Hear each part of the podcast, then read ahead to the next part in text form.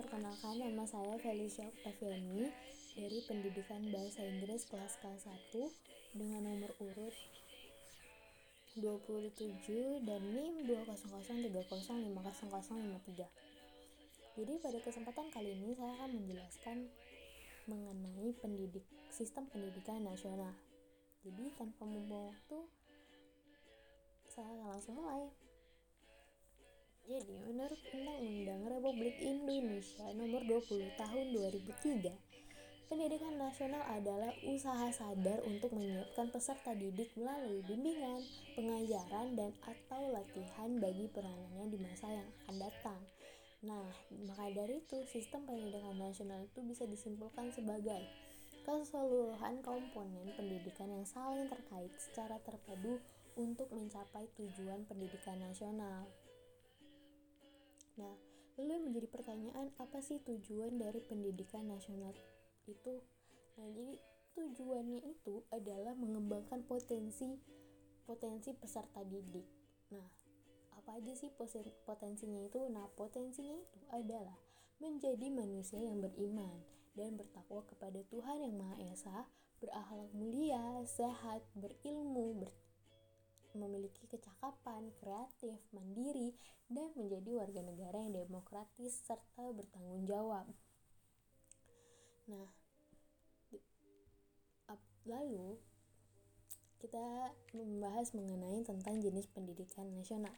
Nah, jadi jenis pendidikan itu adalah kelompok yang didasarkan pada kekhususan tujuan pendidikan satu suatuan pendidikan. Nah, jadi uh, jenis pendidikan ini dia mencakup pendidikan umum, kejuruan, akademik, profesi, vokasi, keagamaan, dan khusus.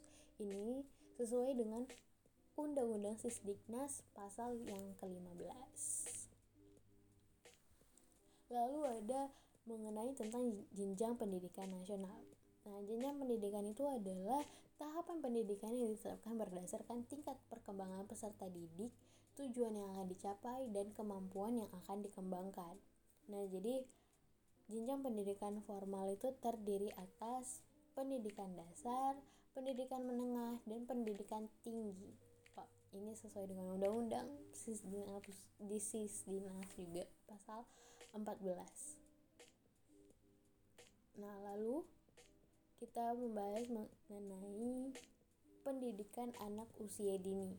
Nah, jadi pendidik ini biasa disebut juga sebagai PAUD. Jadi ini dia sebelum jenjang pendidikan dasar dan biasanya itu dia cuma sampai sampai usia 6 anak bayi sampai usia 6 tahun karena biasanya 6 tahun sudah uh, masuk syarat untuk ke pendidikan dasar dan pen, dan PAUD ini dia tidak termasuk pendidikan formal di mana anak-anak tidak wajib untuk masuk pendidikan anak usia dini ini. Jadi tidak masalah. Nah beta jadi makanya dari itu dia bisa tapi dia masih juga bisa masuk jalur pendidikan formal atau non formal dan atau informal. Jadi sebenarnya tidak mau bagaimanapun jalur pendidikannya dia tidak wajib ya. Nah lalu dalam pendidikan formal itu ada pendidikan dasar yang pertama itu pendidikan dasar Nah, jadi pendidikan dasar itu adalah jenjang pendidikan yang melandasi jenjang pendidikan menengah. Nah, jadi pendidikan dasar itu dia pada awalnya berbentuk sekolah dasar atau SD dan juga bisa dan juga bisa madrasah ibtidayah atau MI atau bentuk-bentuk lain yang sederajat. Nah, Lalu setelah dari sekolah dasar dan yang sederajat itu dilanjutkan lagi kepada sekolah menengah pertama atau SMP dan madrasah sanawiyah MTS atau bentuk lain yang sederajat. Nah, seperti itu. Setelah pendidikan dasar itu dilanjutkan lagi dengan pendidikan menengah. Nah, jadi pendidikan menengah itu ya seperti yang sebelumnya adalah lanjutan dari pendidikan dasar. Nah, jadi pendidikan menengah itu dia terdiri atas pendidikan menengah umum dan pendidikan, menengah kejuruan. Jadi kalau pendidikan menengah itu biasanya berbentuk sekolah menengah atas atau SMA, madrasah aliyah atau MA. sekolah menengah kejuruan SMK, dan madrasah alia kejuruan MAK atau bentuk lain yang sederajat.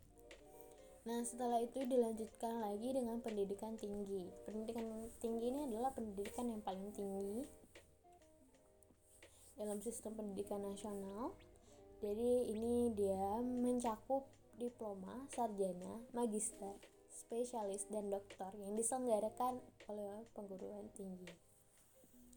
Lanjut. Setelah itu, uh, perguruan tinggi ini bisa berbentuk akademi, politeknik, sekolah tinggi, institut, atau universitas. Nah, jadi apa aja sih perbedaan dari uh, perguruan-perguruan tinggi tersebut? Nah, jadi kalau misalnya akademi itu dia uh, pendidikannya vokasi dalam satu cabang atau sebagian cabang ilmu teknologi atau seni tertentu. Nah, kalau politeknik itu pendidikan vokasi dalam sejumlah bidang pengetahuan khusus. Jadi dia ke sana lebih khusus. Kalau sekolah tinggi itu dia pendidikan akademik atau vokasi dalam lingkup satu disiplin ilmu tertentu dan jika memenuhi syarat dapat menyelenggarakan pendidikan profesi. Selanjutnya itu ada institut. Jadi dia pendidikan akademik bisa juga pendidikan vokasi dalam sekelompok disiplin ilmu, teknologi, dan seni dan jika memenuhi syarat dapat menyelenggarakan pendidikan profesi. Selanjutnya yang terakhir itu ada universitas. Jadi universitas itu dia menyelenggarakan pendidikan akademik dan atau pendidikan vokasi dalam sejumlah ilmu teknologi dan atau seni dan jika syarat dapat menyelenggarakan pendidikan profesi. Jadi ya kira-kira sama ya dengan yang sebelumnya. Nah jadi uh, ada pendidikan masa depan. Nah jadi pendidikan masa depan itu uh, berfokus pada pemupukan potensi unggul setiap peserta didik. Lalu dia uh, menyeimbangkan beragam kecerdasan. Nah, kecerdasan itu ada intelektual, emosional, sosial, spiritual, kinestetis dan sebagainya. Lalu juga mengajarkan life skills ya seperti uh, yang disebutkan sebelumnya. Sistem pendidikan nasional itu berarti sangat-sangat berguna bagi masa depannya dalam sifat skill juga atau kemampuan Lalu ada sistem penilaian yang berbasis portofolio dari hasil karya siswa. Nah, tapi nggak cuma dari portofolio aja. Siswa-siswa juga diajarkan kehidupan nyata atau disebut juga praktik di lapangan langsung. Nah, dalam sistem pendidikan ini guru lebih berperan sebagai motivator dan fasilitator. Jadi peserta didik dia mengembangkan minat nya masing-masing sesuai dengan kemampuan, cara gaya belajar, dan perkembangan psikologisnya masing-masing. Jadi itu tidak berpatokan dari guru tersebut. Nah, selesai dari itu ada nggak sih masalah-masalah pendidikan yang ada dalam uh, negara kita ini? Ya tentu saja ada ya melihat bagaimana banyaknya tidak sekolah atau uh, kurangnya akhlak atau ilmu yang dari peserta didik. Jadi ini adalah masalah-masalah pendidikan yang harusnya teratasi. Nah jadi yang pertama itu adalah pen biaya pendidikan yang mahal. Uh, terus malah biaya pendidikan mahal tapi fasilitasnya malah kurang memadai. Dan juga memiliki guru yang tidak terlatih. Terus kurangnya bahan belajar. Nah masalah-masalah ini hmm, kita tidak bisa mengharapkan pada pemerintah saja terus-terusan. Jadi kita sebagai generasi bangsa juga sudah seharusnya berperan atau berpartisipasi dalam uh, kemajuan masyarakat bangsa ini. Jadi uh, karena kita sudah tahu masalah-masalah pendidikannya ya kita harus belajar lagi uh, supaya masa depan bangsa Indonesia menjadi lebih lebih daripada yang sekarang ini. Kita harus sebagai generasi bangsa harus mem bisa membawa perubahan di masa depan supaya pendidikan nasional ini bisa menjadi lebih baik lagi supaya generasi-generasi seterusnya juga bisa merasakan hal-hal yang baik di masa depan dan menjadi pribadi yang baik dengan seperti yang tadi memiliki ilmu dan juga memiliki akhlak mulia dan bertakwa kepada Tuhan yang Maha Esa.